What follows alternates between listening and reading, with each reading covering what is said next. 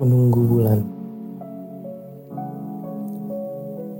Tiba waktunya kita bergegas untuk menuju hari-hari yang lebih ramai. Hari yang penuh dengan angin semilir di wajahmu. Bertemu yang tak pernah ada ingatan waktu.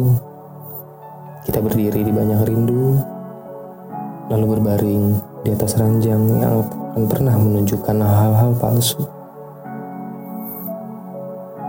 Banyak hal yang ingin aku lakukan saat pagi menjelma menjadi kantuk.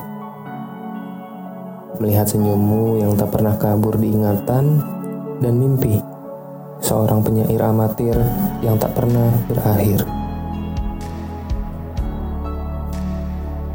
Aku hanya ingin mewarnai awan hitam di minggu pagi, lalu menggantinya dengan biru-biru langit setiap hari. Aku melihat tanganmu merangkul aku di tempat biasa kita bermain ayunan dan hujan. Sambil aku memintamu memasak makan malam dengan bulan yang malu-malu menyaksikan kita karena ia hendak menyantap rindu-rindu yang buta. Kita yang tidak pernah lagi mempercayai waktu. Waktu kita hanya untuk dua menjadi satu.